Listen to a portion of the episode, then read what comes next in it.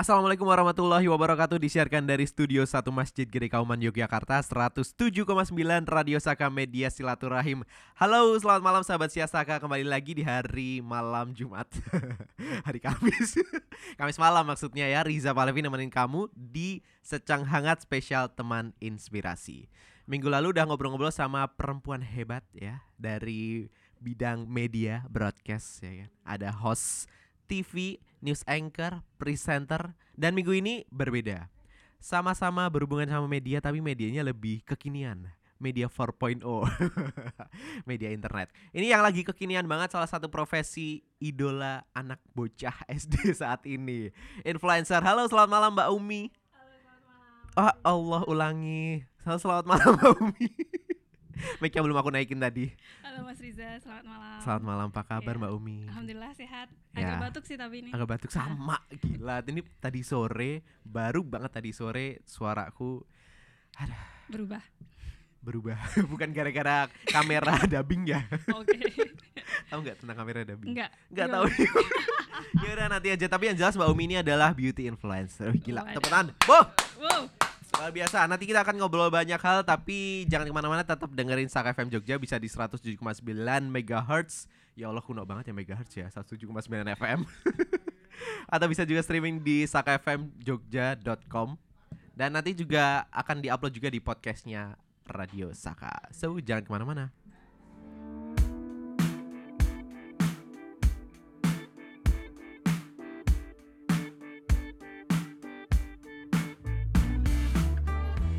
Selamat malam, masih di Radio Saka, media silaturahim. Gimana sudah syahdu Mbak Umi? Sudah syahdu sekali. Ya Allah, baru dikasih tahu. Mic-nya di mana Ibu? Mulutnya. Nah, oh gitu. iya di sini ya. Maaf Anda ya, ya. mendengar suara Anda sendiri? Ya oke sekarang dengar. Beda Mantap, mantap. sih. Iya, iya. Eh, tapi ngomong-ngomong ya Mbak Umi ya, kan Hmm. Eh, sekarang berkarir di mana nih boleh diceritakan? Berkarir yang beneran apa yang Oh, apa aja deh boleh diceritain deh. Mungkin tadi aku baru kenalan di awalnya adalah beauty influencer, Ah, ya kan. Nah, sebenarnya pekerjaannya apa sih? kalau kerjaan utama tuh sebenarnya ya kerjaan kantoran gitu sih. Cuma kalau sekarang lebih banyak di lapangan karena store manager ya. Jadi lebih wirawiri istilahnya gitu. Toko apa nih kalau boleh tahu? Tokonya Spila Jewelry, Oh, ini ya, perhiasan. perhiasan wedding ring. Wedding ring luar ya. Mana coba tangannya? Di tangannya kosong. Oh, tangannya iya. kosong. Gak apa-apa ngurusin ring-ringnya orang lain dulu Bener, ya. iya, Hmm, membantu orang lain dulu. luar biasa. Iya. Selain itu, selain itu, aktivitasnya apa lagi? Aktivitasnya sebenarnya lebih ke YouTube sama Instagram kali ya. Oh, Oke. Kok kali sih ya emang gitu. Eh, TikTok, Caco, TikTok, TikTok, TikTok, oh, TikTok. Waduh, TikTok Ini gimana nih. TikTok? TikTok tuh sangat ini ya, sangat menarik ya. Iya, sekarang sekarang berkembang banget cuy. Kayak sekarang literally semuanya selebgram, youtuber mulai pindah ke sana semua. Iya, karena Baik. asik ya. Iya asik soalnya sekarang isinya kalau dulu kan kita kayak agak gimana sama TikTok soalnya isinya kan kayak yang Oh alay-alay iya, terus kayak aneh-aneh ya kan. Mhm. Sekarang tuh isinya bener-bener maksudnya kayak kita beneran seger gitu loh nggak TikTok karena editingnya pun bagus, fiturnya bagus dan eh, beneran lucu gitu. Dan lebih bervariasi kan, Mm-mm, kan ada kucing gitu. bener-bener bener macem-macem. Iya, Mbak Umi ke TikTok juga. belum, mau diajak dulu nih, bakal diajak Mas Riza buat main TikTok. Oh gitu. oh gitu. Iya iya iya. Tapi ngomong-ngomong nih ya, buat sahabat Siasaka kalau misal mau tanya-tanya ke Mbak Umi langsung bisa aja langsung mention ke Twitter atau IG-nya @sakafmjogja. Ini juga sebenarnya udah banyak banget yang masuk cuy. Kan tadi dari tadi sore udah aku share ya pertanyaannya. Mungkin langsung aja ke pertanyaan pertama sudah siap? Siap. Aduh, deg-degan. Siapkan kunci jawabannya. Jadi yang pertama. Ini pertanyaannya lumayan menohok. Wow. Kalau merasa tersakiti, boleh angkat tangan dan dada-dada ke kamera walaupun tidak ada kamera di sini, ya. Ah, siap. aku mau tanya ini? tapi deg-degan. Oke. Ini yang tanya Tana, yang tanya namanya Dana Dana. dari Mas Dana. Yang tanya Dana. Dana bukan Ovu. Wow. ya, ini dari Mas Dana. Pertanyaannya lumayan menohok, Mbak. Tapi coba mungkin kalau berkenan silahkan dijawab. Oke, siap. Mbak merasa cantik nggak? Wah. Jelaskan Wajib dong. katanya Wajib. dengan uraian. gimana gimana? eh merasa cantik itu kayak udah eh, sebenarnya basicnya sih. Jadi sebelum ya kayak kayak cowok harus merasa ganteng dulu. Jadi kalau dari situ baru nanti bisa ngapa-ngapain. Maksudnya kayak Oh apa nih ngapa-ngapain nih? berbuat jadi eh, apa yang kita lakuin setelah itu kan sebenarnya modal utama itu kan percaya diri walaupun jangan over percaya over pede sih. Iya iya benar-benar. Tapi kalau dengan merasa cantik, cantik itu kan sebenarnya pengertiannya luas ya. Iya. Nah, itu. Kayaknya kita harus menegaskan lagi kata-kata cantik itu. Nah boleh nih kan sesuai dengan tema kita malam hari ini ya Hmm, menjadi pak cantik paripurna. Nah wow. cantik itu seperti apa sih menurut Mbak Umi? Cantik itu sebenarnya kayak ini ya. Basi mungkin ya. Cantik itu dari dalam hati. Basi banget gitu. Tapi beneran sih. Kalau cantik itu kayak nggak cuma dari appearance dari apa yang terlihat tapi Fisik ya, Ya, nggak cuma fisik aja. cuma fisik walaupun memang dari fisik juga penting sih tapi biasanya kalau emang orang kan first impression dari muka tapi Mm-mm. tetap setelahnya kan obrolan berlanjut itu karena mm-mm. isi obrolannya Oh aku pikir setelah muka lihat ke tangan sudah Oh. ada cincinnya. wadah Tapi bener kamu pernah gak sih kayak lihat, uh ada ada ah ini, terus ngeliat mukanya habis itu lihat ke tangan, uh sudah ada cincinnya atau belum? Kalau belum mau di prospek mas ya. oh gitu ya ya ya Di prospek mau, mau ke tempat saya, wedding ring.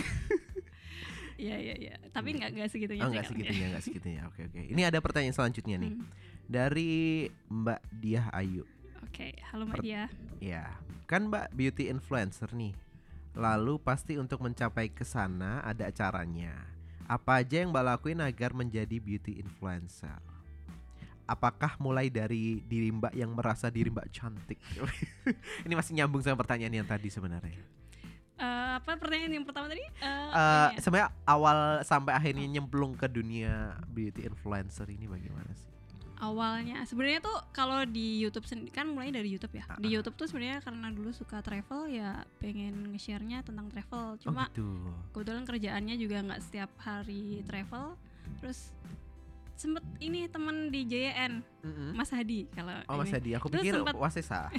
sempet nanya sempet nanya gini Mbak kamu nggak jadi beauty in, beauty vlogger atau apa tentang beauty gitu terus Mm-mm. aku kayak eh bisa jadi ya terus kayak makin lama oh iya ya kayak aku seneng seneng apa ya ngetrit muka kan dan Mm-mm. waktu itu juga belum se ini sekarang sih belum se rajin sekarang terus gimana kalau aku nge-share apa yang aku udah aku lakuin maksudnya apa yang aku tahu dari treatment muka dari makeup muka terus aku share Mm-mm. gitu Mm-mm. kayaknya jadi jadi isinya tuh lebih lebih berguna gitu loh nggak Hmm. cuma sekedar video biasa Iya iya. Gitu. Tapi kalau uh, ngomongin tentang beauty ya, beauty influencer itu kan bisa tentang make up, bisa tentang uh, skincare, bisa fashion atau mungkin lifestyle juga. Mhm. Kalau Mbak Umi ini lebih ke mana atau mulai dari mana dulu?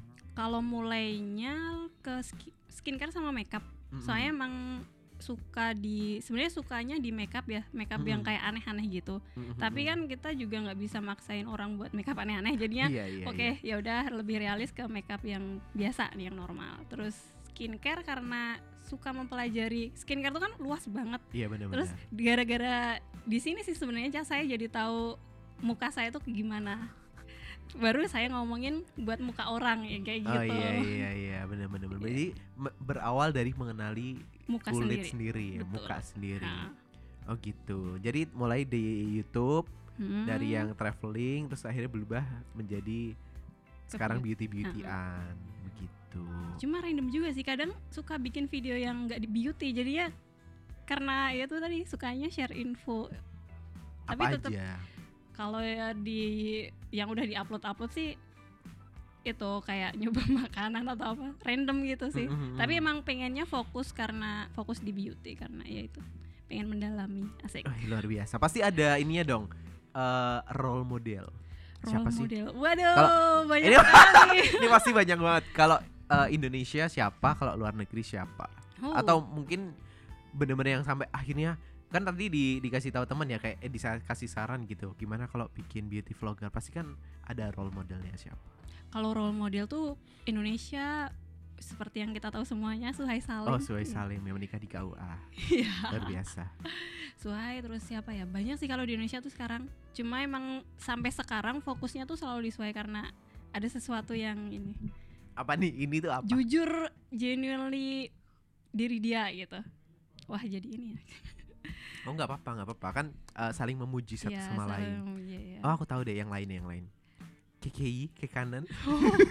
Ih, dulu dulu agak ini sih, dulu agak tertarik gitu, tapi terus Oh next. Iya.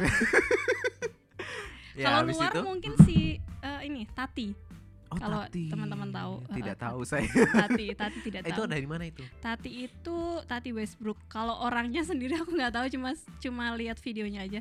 Dia Hmm. lebih eh, pembawaannya tuh elegan, kalem gitu. Jadi enak didengerin, dilihat. Hmm. Eh itu eh, maksudnya dari Asia ke Eropa atau kalau Korea? nggak salah Amerika. Oh Amerika. Uh-uh. Soalnya kalau kalau nggak salah em, apa kayak tiap benua gitu kan punya apa ya kayak make upnya sendiri-sendiri atau Oh kayak punya iya, skincare-nya bener. sendiri-sendiri gitu nggak sih? Mhm. Saya kalau mungkin eh, Indonesia sekarang lagi booming banget make up make up Korea, Jepang. Mungkin karena masih sama-sama Asia nggak sih? Mhm. Kayak aku masih jarang mendengar yang dari Australia misalnya atau dari Eropa atau dari Amerika ya nggak sih? Bener kayak gitu nggak sih sebenarnya? Kalau kayak pengelompokan tiap benua atau gimana? kalau di Indonesia sendiri sih emang masih mostly Korea ya karena sebenarnya demam Korea tuh nggak cuma K-pop doang. Jadi dari K-pop tuh merajai ke yang lain makanan contohnya sami yang Oh iya macam-macam. benar-benar. terus ke makeup nah itu powernya Korea sih kayak gitu Mungkin karena itu kali ya. Iya, jadi orang-orang lebih mengenal. Coba kalau tentang skincare Korea, mer- mereka selalu nyebut kan. Tapi kalau kita yang skincare yang benua lain, ah, apa ya? Padahal sebenarnya sebelumnya udah ada gitu.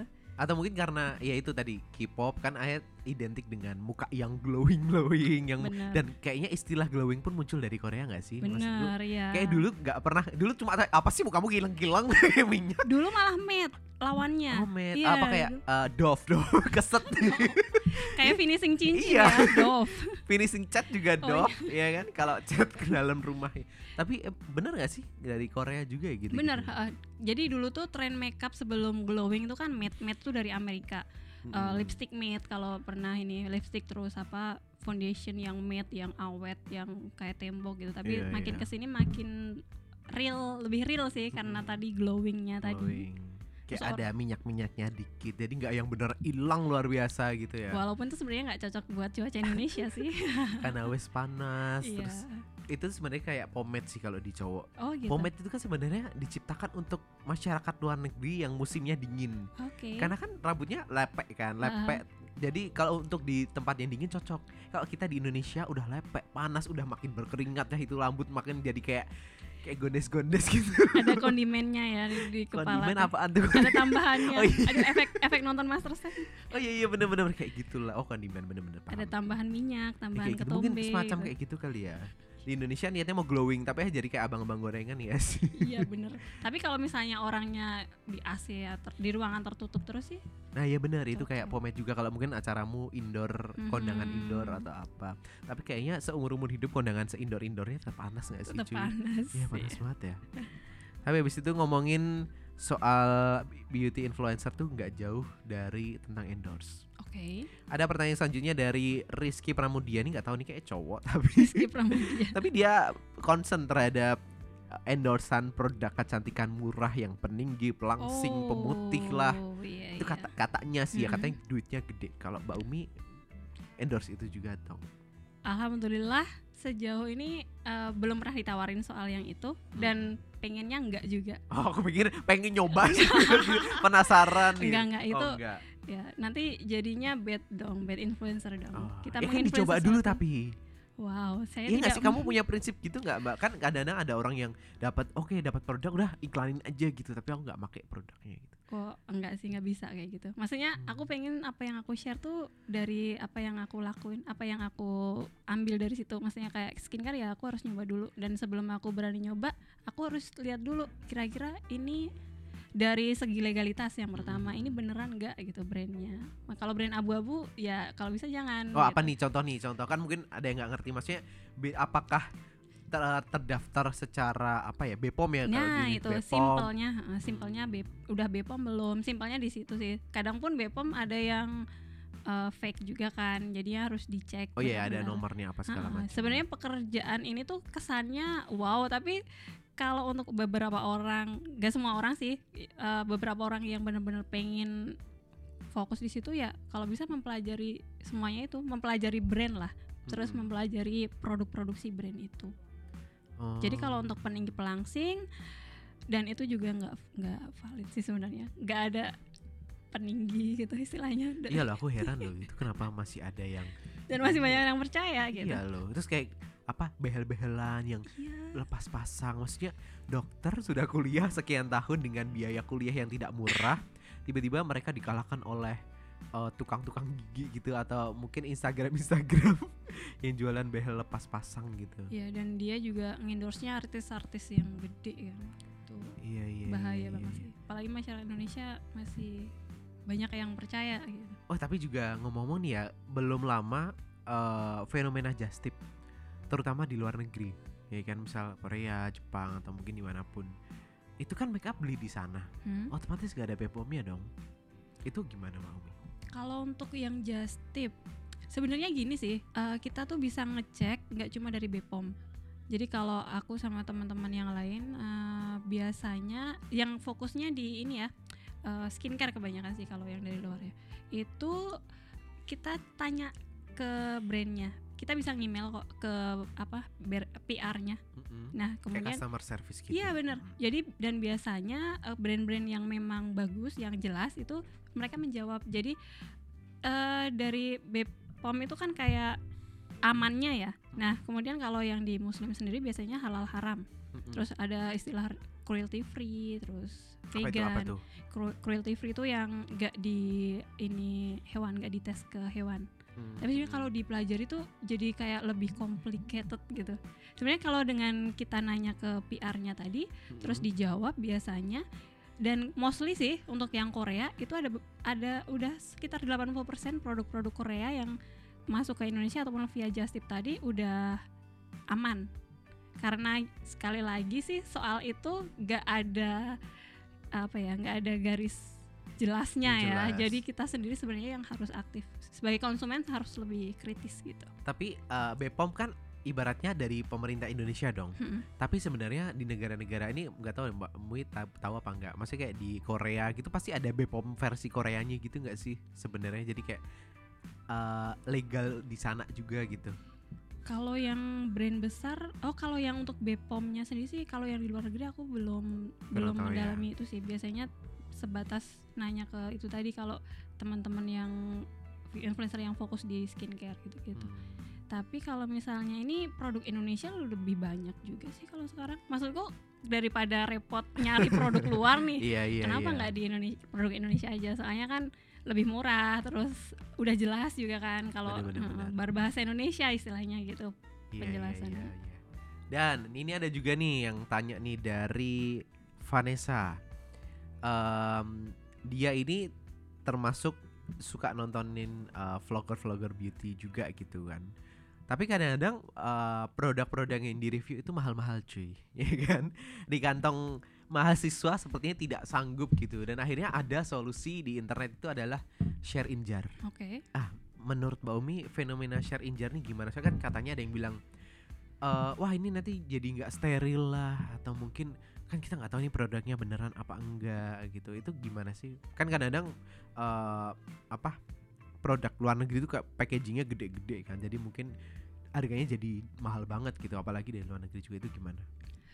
Kalau untuk share in jar bener sih itu nggak 100% steril dan juga setiap produk itu dia akan jadi fungsinya beda karena produk itu kan dalamnya lebih ke kemis ya, apa, kimia ya. Jadi kalau dia udah dipindah tempatkan terus beda packaging itu biasanya memang berkurang si fungsi utamanya tadi. Kalau ber, ini lebih ke berkurang sih bukan terus jadi berbahaya atau apa. Tapi balik masing-masing ke apa namanya online shopnya karena nggak- ada juga online shop yang concern ke itu jadi memang eh, apa ya nggak dicampur lah istilahnya gitu. Tapi Mm-mm. juga nggak menutup kemungkinan itu produk nggak 100% asli. Kalau udah masuk ke situ mungkin lebih ke ini ya. eh, itu tadi balik ke skincare Indonesia kan banyak juga. Kalau Iya. misalnya, jadi gini sih, jangan memaksakan eh, kantong gitu. Saya emang produk-produk di Indonesia yang harganya terjangkau itu juga banyak yang bagus kok. Nah, seiring berjalannya waktu, setelah kita tahu muka kita sendiri, kita bisa upgrade ke skincare atau produk yang mahal-mahal tadi. Nggak Hmm. harus yang langsung dicoba gitu. Iya bener bener bener Iya. bener. Cuma kan kadang-kadang eh, kantong masih mahasiswa tapi keinginan sudah mahadewa ya kan sudah pengen coba yang aneh-aneh tapi kayak udah versi ngirit dulu yang share injar dulu deh gitu mungkin kalau aku i- kasih apa ya bukan ibarat sih kayak perumpamaan nih. Hmm. ibarat teh botol ya kan. Teh botol ketika si kemasannya udah dibuka kan kayak dia nggak boleh lebih dari 24 jam. Atau misalnya obat tetes mata ketika dia udah dibuka dari kemasannya uh, expirednya jadi satu bulan setelah dibuka. Walaupun mungkin expired benerannya misal masih dua tahun gitu mungkin semacam kayak gitu ya ke ke makeup atau skincare yang akhirnya dipindah botol kan kan berarti kemasan aslinya sudah terbuka dulu itu salah satu pen- yang ini sih penting juga sih soalnya kalau skincare juga dia tuh kalau produk itu biasanya ada kadaluarsa dari pabrikan sama Ah, ah. kadaluarsa setelah dibuka oh, ah iya setelahnya. iya itu maksudnya Nah kalau pakai produk share injar kita nggak tahu dong itu keterangannya berapa berapa bulan setelah dibuka. Dan kita nggak tahu si online shop tadi ngebukanya udah dari berapa lama gitu. Udah dari berapa minggu yang lalu atau bulan yang berapa bulan yang lalu. Nah, jadinya bener-bener. emang nggak garansi amannya juga. Tapi aku pernah beli share injar nggak kenapa-napa sih. Kalau mau dicoba kalau mau take risk ya ya oke tapi paling ya cari yang uh, qualified ya tokonya ya. qualified bener Ah mungkin nih boleh di sharing juga kira-kira cari toko yang qualified itu gimana? Cari Apakah yang Kalau yang yang offline itu pasti terpercaya, maksudnya yang toko beneran bukan online gitu, apakah pasti terpercaya?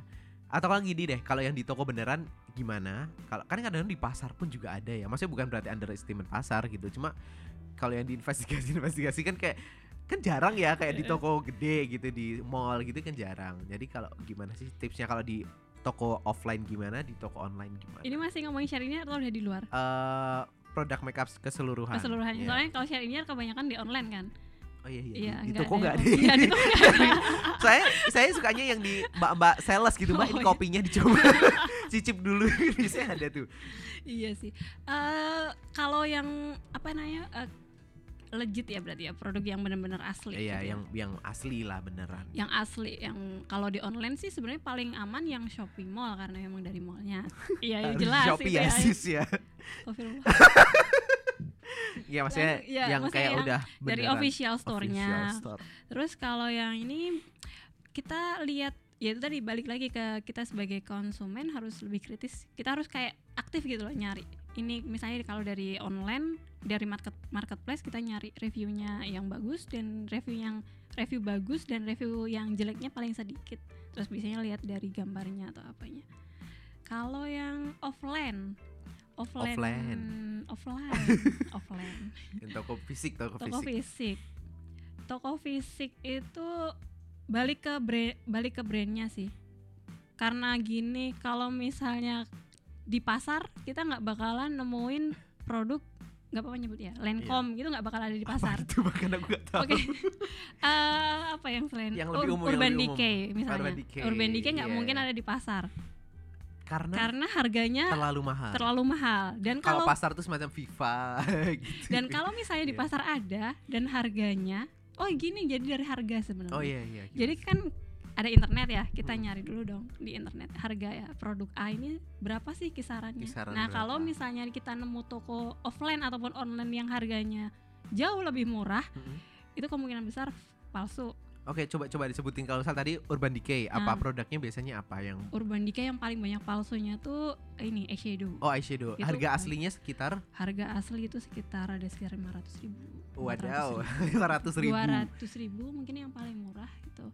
Tapi Oh, kalau ya. di pasar Di aku pasar dengan seri yang sama itu udah nggak berseri lagi sih kalau di pasar seri yang zaman bahula di pasar biasanya- berapa? Kayak itu paling 150 di pasar gitu. malam gitu. Uh-uh. Biasanya enggak Oh, enggak sih. 50 ribu. Serius? Gitu. Iya. Tapi mungkin kalau kita bandingin sama merek aku nggak tahu sih merek lokal kisaran berapa sih? Mungkin dengan yang ibaratnya eh, fitur yang sama gitu. Hmm, kalau merek lokal banyak jenisnya juga sih. Kalau untuk yang di bawah 100 ribu ada, di 200 ribuan juga ada. Tapi Oh. maksimal kalau merek lokal tuh 200 ribu untuk eyeshadow ya, Uh-uh. karena eyeshadow ini cenderung apa ya produk yang lebih mahal gitu. Oh, saya Oh. maksudnya 50 ribu aja mungkin buat aku yang tidak membeli pun oh, terasa mahal gitu. Padahal itu ternyata palsu. Iya, makanya tadi jangan memaksakan kantong. Hmm. Jangan memaksakan kalau emang nggak nggak mampu di situ ya. Soalnya Iya, produk lokal lagi-lagi itu mas- udah banyak yang bagus.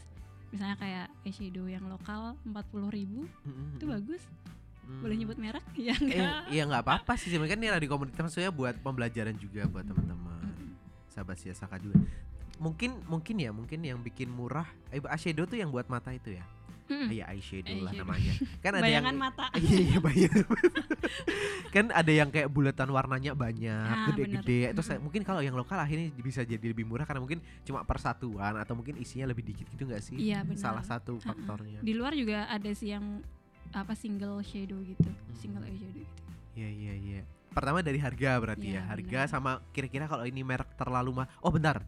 Berarti kamu tadi bilang kalau merek mahal anggaplah 500 ribuan ke atas Mhm. gitu. Itu kalau ada yang murah berarti palsu. iya Tapi jelas. bagaimana dengan tadi dari tadi nyebutin merek lokal. Heeh. Apakah merek lokal tidak dipalsu? Merek- Secara mungkin pasti penjualannya banyak juga dong. Kenapa nggak si pemalsu-pemalsu ini berpikiran untuk memalsukan merek lokal? Ada apa nggak sebenarnya? Jadi pertama gini sih, kalau untuk merek lokal dipalsukan eh, itu mau dipalsukan seperti apa karena harganya udah terjangkau ya. Terus gini, lebih palsu-palsu itu sebenarnya produk yang diproduksi di Cina.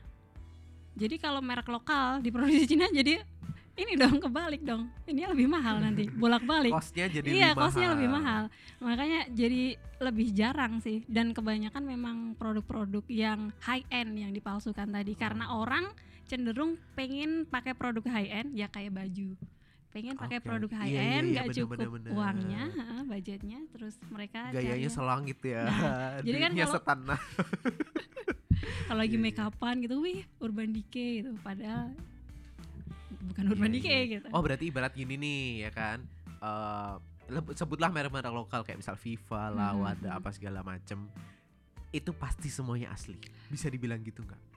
Hmm, boleh dibilang gitu. Jadi kayak ibarat kamu yang di mbak-mbak jualan kosmetik istilah kosmetik itu kan kayak lawas banget tau gak sih ya kayak di- dia jualan di etalase iya benar-benar. kayak di, di pasar malam di Skaten deh di Skaten itu ada merek-merek kayak Viva, Wardah, apalagi Emina, eh apa sih merek-merek lokal lagi yang lain, Fanbola segala macam itu Mhm. berarti asli semuanya. Tapi kalau kayak Urban Decay apa segala macam perlu dicurigai. Bener ya sih. Dan lebih ke itu jadi PR para influencer juga sih buat kita kan kadang nge-share perbedaan ini palsu dan ini asli. Biasanya gitu kan. Nah, itu jadi semacam eh, bukan tugas sih, tapi kayak kita harus nge-share itu. Karena kita kan juga nyoba produknya terus ini loh yang asli itu sebenarnya kayak gini. Terus kalau ada biasanya dari apa namanya barcode barcode dalam produk itu terus ada tulisannya packaging makanya produk-produk itu sebenarnya apalagi terlebih brand luar Korea juga sering upgrade eh, ganti packaging Hmm, karena gitu. untuk meng- salah satunya untuk menghindari tadi jadi kalau misalnya ada yang masih jual packaging lama bisa jadi itu palsu atau apa itu gitu sebenarnya di satu sisi sebenarnya mau keamanan si apa pabriknya tapi Ha-ha. di sisi lain eh, buat kita bingung juga nggak sih? Kadang-kadang mungkin kan nggak semua orang mendapatkan akses informasi itu gitu. Betul sih. Cuma ya itu sebagai konsumen tetap harus kritis. Iya dong. Iya, kan iya, udah iya, ada iya. internet kan Iya, gampang bener-bener. kita nyari dan mungkin itu salah satu tugasnya beauty influencer ya. Iya betul. Biar ada konten terus. Iya. Iya, benar-benar ya ini ada pertanyaan selanjutnya dari Diana. Diana Diana kekasihku. Wah hai Diana. Bilang pada orang tua Kenapa mau jadi beauty influ- influencer tadi udah belum sih belum ya? Oh iya, kan tadi cuma di- Eh, Dikasih saran terus kenapa akhirnya mau? Gitu. Oh ya, karena seneng. Jadi itu tuh semacam healing. Jadi semacam kayak kalau kayak masak gitu. Jadi kalau lagi banyak pikiran atau apa, mainan itu tuh melegakan. Ini yang lebih ke makeup ya. Kayak kita di depan kaca merias diri, ngelihat diri kita Iya. dengan makeup tuh kan kayak jadi lebih baik kelihatan looknya ya. Itu jadi semacam healing sih. Jadi lebih ngurangi stres. Oh, stres. Jadi karena ngurangi stres, healing, terus daripada cuma mainan sendiri akhirnya di share ke orang. Mungkin Betul. ada yang eh, merasa bermanfaat dan maksudnya butuh informasi itu Mm-mm. atau apa segala macam gitu. Dan ya. sebenarnya pada dasarnya narsis kamera. luar biasa. Iya, jujur. iya. Masih ya, Diana, men- kalau menurut kakak standar cantik perempuan itu yang gimana sih? Standar cantik perempuan itu yang dia percaya diri dengan warna kulitnya, dengan kondisi kulitnya sendiri, Mhm. dan dia nggak merasa tertekan dengan standar kecantikan yang lama, yang putih, yang Putih, mulus, tinggi, pelangsing. Aduh. pelangsing Iya, ada juga ada juga kan teh Iya. pelangsing Iya, lah soalnya emang kalau di Asia sama India sih itu yang bener-bener standar kecantikannya putih gitu-gitu kan. Itu yang jadi inilah mak ya itu maka dari itu banyak produk-produk abal-abal tadi. Pemutih Iya iya, yang penting merubah secara instan ya kayak sekali. Oh tahu gak sih kamu ke skaten tuh suka ada yang jual putih-putih itu? Hah? tangannya langsung digeret. Serius? Terus ini langsung kayak digosok-gosokin ke tangan sambil Ada? nih lihat bedanya. Iya. Aku aku iya tapi dia cuma di dibungkus eh bukan dibungkus ditaruhin di jar. apa sih? Iya jar tapi yang jar plastik jar plastik gitu loh. dan banyak orang yang Iya, kayak gitu ya kayak krim-krim bengkoang-bengkoang gitu Oke. mereka bilang sih eh, kayak alami apa segala macam kita ya mikirnya iya Hmm. bener ya bengkoang kan buat Hmm. uh, brightening buat putih gitu kan jadi kayak wah putih ya gitu cuma yang bikin unik karena dia tuh suka geret-geret tangan gitu sini sini coba coba dulu nggak mau beli nggak mau nggak apa apa coba aja dulu coba kan gitu ya marketing ya ya teknik marketingnya gitu ya Marketing. ngegeret-geret jadi standar cantiknya adalah bagaimana ketika seorang perempuan itu percaya atas apa yang dimiliki Iya benar, kayak menerima sih lebih ke pertama harus menerima dulu dia nih gimana. Jadi ngerti diri sendiri dulu, baru dari situ oh iya. Jadi ada yang makanya sebenarnya makeup itu lebih eh, mempercantik sih, bukan mengubah ya. Kalau mengubah mungkin lebih ke face painting atau makeup makeup yang Oh, ya. stage makeup itu gitu untuk kepentingan ini. Tapi kalau yang makeup untuk sehari-hari ya karena itu bukan untuk wah insecure nih cewek terus make upan. Sebenarnya nggak nggak di situ juga sih. konsepnya bukan begitu ya Tapi emang ada juga yang punya konsep kayak gitu. dan itu nggak masalah Nggak itu nggak masalah kan tiap orang kita nggak bisa memaksakan. benar benar benar benar benar masih lanjutannya nih Diana banyak banget nih tanya Wah, ya kan Kayak- Asik. Apakah yang glowing in the dark? Hah? Aduh. Mungkin maksudnya glowing mukanya itu ya Oke. karena air wudhu atau karena skincare mahal katanya dia. Ini pertanyaannya agak sarkas ya. Aku nggak tahu. Aku makanya agak bingung ini kenapa glowing in the dark ya kan? glowing, glowing. Sebenarnya gini sih apa? eh, Kalau nggak mungkin bisa di ini nggak sih kayak eh, disatukan pikiran kita sebenarnya kulit yang glowing itu yang seperti Oke, apa oke. sih? Apakah eh muka aku minyak kan glowing juga itu glowing juga kan? Glowing kan intinya mantul kalau ada cahaya. Ya glowing tuh yang seperti apa sih yang dimaksud Kalau di standar konsep- kalau konsepnya kayak gitu se seintens pakai highlighter semuka dong. Iya, iya, gimana sih glowing nih konsepnya? Sebenarnya konsep glowing tuh kulit yang sehat sih. Jadi Kulit kulit, yang yang, sehat. lembab, terus dia itu lebih eh, apa ya? Ya itu tadi lembab, moisturize gitu. Eh, sehat sih. Ternutrisi dengan Ternutrisi baik dengan ya. baik gitu. Terus caranya itu enggak cari tadi apa? Air wudhu ya Air wudhu atau SPF. karena skincare mahal gitu. Eh, muka glowing tuh sebenarnya nggak jauh beda dengan kulit kulit badan lainnya ya. Dan itu bisa bisa glowing karena bisa sehat sih. Itu karena nggak cuma dari skincare tapi dari pola hidup makan terus olahraga sayur buah itu penting banget sama pikiran. Kalau cuma ngandelin skincare atau air wudhu itu nggak ngejamin. Kecuali memang secara genetik keturunan dia memang udah itu. Dan Ada dia yang orang nggak diapa-apain udah bagus banget kulitnya ya. Bener, itu. Jadi makanya balik ke standar kecantikan tadi. Nggak adil dong kalau yang cantik cuma yang mulus padahal bener, dia bener, secara bener, gen bener. secara bawaan udah gitu. Tapi ibarat konsep agama kan kita juga selain berdoa, berikhtiar, kita juga berusaha bahwa bukan berarti eh, kita udah cantik atau misalnya kita bulukan apa gimana ya kita harus selalu merawat gitu nggak sih? Kayak konsepnya jangan yang udah aku menerima apa adanya terus nggak aku apa-apain. Terus air wudhuan Air gitu ya ya ya iya mera- harus harus ini harus aktif dong. Oh ini nih ini pertanyaan penting juga. Ini masih Diana. Diana banyak sekali bertanyanya. Pernah nggak sih merasa nggak cantik? Terus kalau pernah apakah itu membuat jadi nggak pede buat ngapa-ngapain mungkin waktu jerawatan kayak atau mungkin waktu apa? Sebenarnya proses buat menerima diri diri itu panjang ya. Apalagi aku tuh dulu waktu sekolah sempat dibully. Sekolah Dibully apa nih waktu SD SMP, SM? Oh, SMP, SM. SD sempat SD SMP itu dibully. Dibully karena appearance tadi karena tampilan. Jadi dulu aku kurus hitam gitu gitulah oh terus- sekarang udah nggak hitam ya sis? Bukan maksudnya eh, bu, sorry ini hitam bukan ini ya, tapi maksudnya Iya, diejek gitu loh diejek Eh, karena ti- itu kusam kusam dihilangi terus Iya, maksudnya iya. diejek karena fisik Mm-mm. dan itu bikin insecure parah sih apalagi anak kecil ya waktu itu. Heeh, terus SMP itu kan masa ABG ya Mm-mm. jadi Masih kayak masih labil-labilnya. heeh, heeh, jadi kayak ih gimana sih ini? itu benar-benar tapi makin ke sini eh tadi pertanyaan apa sih Bentar aku mendadak lupa. Oh, Wih. pernah nggak sih merasa nggak cantik terus Ah, kalau pernah tuh sampai nggak pede buat ngapa-ngapain? oh Itu kalau sampai gitu? nggak pede buat ngapa-ngapain tuh belum pernah sih dan terakhir merasa nggak Jangan cantik tuh sampai lah ya. iya jangan sampai itu itu jadi berarti penyakit semacam beban ya, beban. Mm-mm.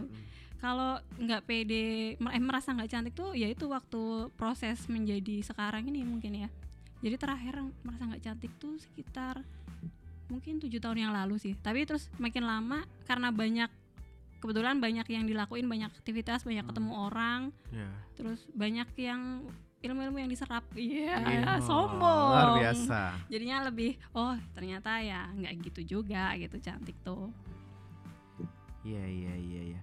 Em, ngomongin soal cantik, ini ada pertanyaan selanjutnya dari Natali Gunadi.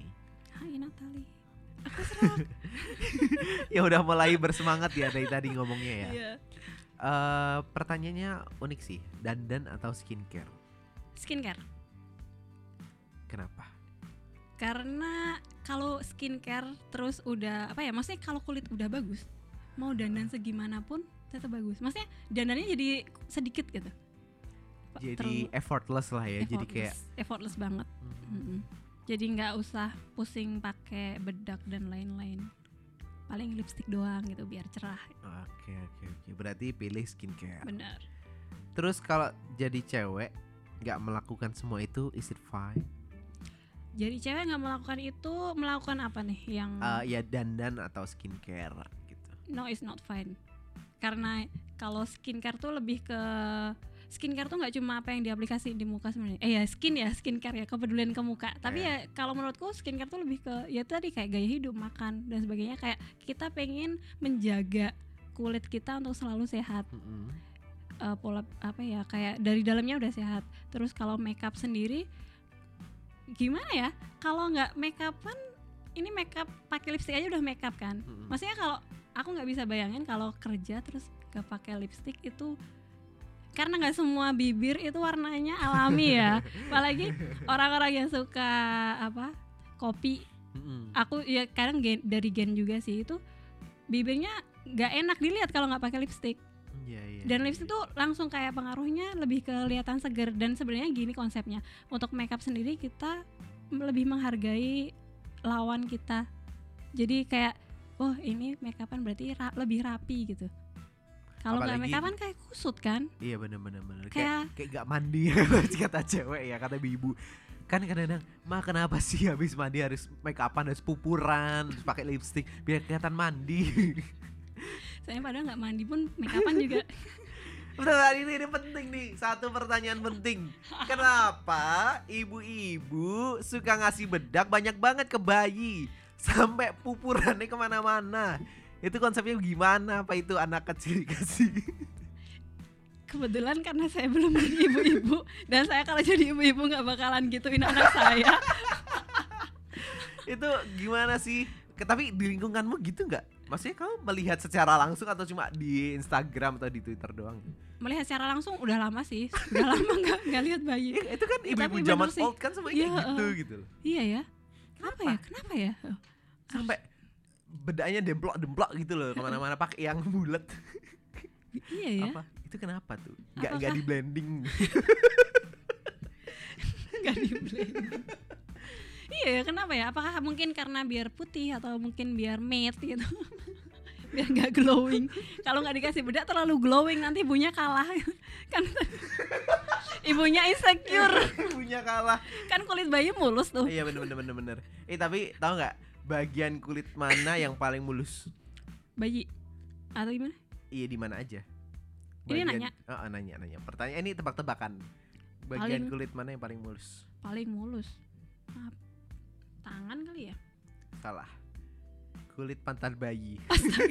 Kan suka banding bandingin ih selebut pantat oh bayi. iya iya benar benar. Iya benar kan? benar. Kenapa sih otot bayi itu juga jadi eh ini astagfirullah ini bukan ini loh sahabat siasa kan masih kan emang begitu ya kan orang-orang suka banding ih kulit pipimu sudah selembut pantat bayi gitu.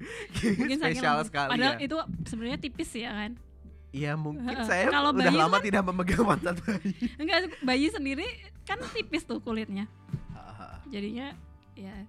Eh tapi ngomong soal bayi ya sebenarnya eh, make up dan skincare ya sekalian sepaket nih aku tanyanya sejak kapan sih seseorang manusia ini eh, boleh atau dianjurkan atau apa ya untuk memakai skincare dan make up sebenarnya kalau gitu berarti balik ke jenis makeup atau jenis skincare-nya. Hmm. karena kalau kayak skincare itu kan ada yang anti aging and, eh, ya maksudnya tujuannya si skincare kan pro- dari produk-produknya beda ya. Kalau untuk yang anti aging ya berarti orang-orang yang umurnya 25 atau udah yang punya udah mulai kerutan gitu-gitu tapi kalau untuk usia yang muda-muda mungkin lebih ke kalau skincare lebih ke menjaga kelembapan mukanya sih. Jadi kayak eh, at least dia cuci muka lah gitu pakai sabun terus moisturizer. Eh, sunscreen yang paling penting. Oh, itu kayak basic banget. Dan itu menurutku nggak mandang usia kalau sunscreen itu karena bayi pun kurang tahu sih kalau bayi emang dikasih ke matahari terus gitu. Ya tapi justru gitu. malah bayi kan suruh dede ya tapi kalau dede kan pagi, Iya sih, masih pagi. bagus itu. Tapi kalau yang ya itu skincare. Terus kalau untuk anak-anak sekolah itu kali balm mungkin biar bibirnya nggak yang kering kan nggak nggak Iya, iya. nggak keliat jadi kelihatan sehat lah gitu. Gitu. Oke oke. Jadi sebenarnya disesuaikan ya. Eh disesuaikan itu kalau skincare kalau make up kalau makeup ya itu kayak lip balm itu lip, Oh, lip lip balm tuh eh enggak itu masuk skincare masuk deh ya skincare ya kalau kayak makeup Sebenarnya ini kayak preferensi masing-masing orang ya dan sifatnya lebih ke personal. Tapi memang kalau untuk usia sekolah ya sepantasnya di sekolah gimana? Kan kadang sekolah ada peraturan. Mhm. Kalau misalnya kira-kira masih dalam batas wajar, menurutku nggak sah-sah aja sih. seperti lirik lagu ya masih dalam batas Ada gitu? wajar. ada lagi. Aku aku kudet banget sih nggak tahu Iya, lagu. nanti nanti Iya, iya, nanti. iya. Nanti diputerin seperti itu. Jangan ya itu. Tapi kalau misalnya masih usia sekolah kok udah pakai eyeshadow warna-warni atau blush on yang lebay gitu ya, ya jangan. gitu. mungkin mungkin kalau buat pesta atau buat misal Ah, bikin konten nggak apa-apa kali ya Iya, tapi kalau buat di sekolah mungkin kayak ya nanti dibilangin sama kakak kelas iso cantik deh kecuali kartinian iya eh, itu kan event Iya, khusus ya event kan khusus. event khusus Iya. Iya iya ini ada selanjutnya dari siapa nih? Oh dari Gigi Gilman Gigi. Oh gigi. Ya dari Jakarta dia. Jakarta. Ya definisi cantik itu apa tadi? Udah ya. Udah, mm. pengukuran standar kecantikan itu dari mana sehingga orang tersebut disebut cantik? Udahlah ya tadi ya. Dari penggaris ya. Boleh bang garis untuk wanita yang sudah dikatakan cantik tapi merasa hilang tulisannya. Mana tadi? Tapi merasa dirinya belum cantik apakah termasuk suatu sindrom kayak sebenarnya dia tuh cantik kayak, kayak selalu merasa kurang mungkin. Kayak iya aku nggak cantik aku nggak cantik padahal sebenarnya dia cantik paripurna. Sebenarnya secara psikologi itu kayak butuh validasi. Validasi gimana nih? Validasi untuk selalu pengen disebut cantik untuk selalu dipuji. Hmm. enggak sih ini kayak ini dari aku aja ya. Tapi mungkin dari teman-teman psikologi juga udah tahu tentang kayak gini. Tapi tetap eh kadang tuh itu tadi soal penerimaan. Kadang cewek tuh belum bisa menerima sepenuhnya dia. Dia ini sebenarnya cantik tapi dia kayak ih aku tetap butuh lebih cantik dari ini gitu. Kayak belum menerima dianya.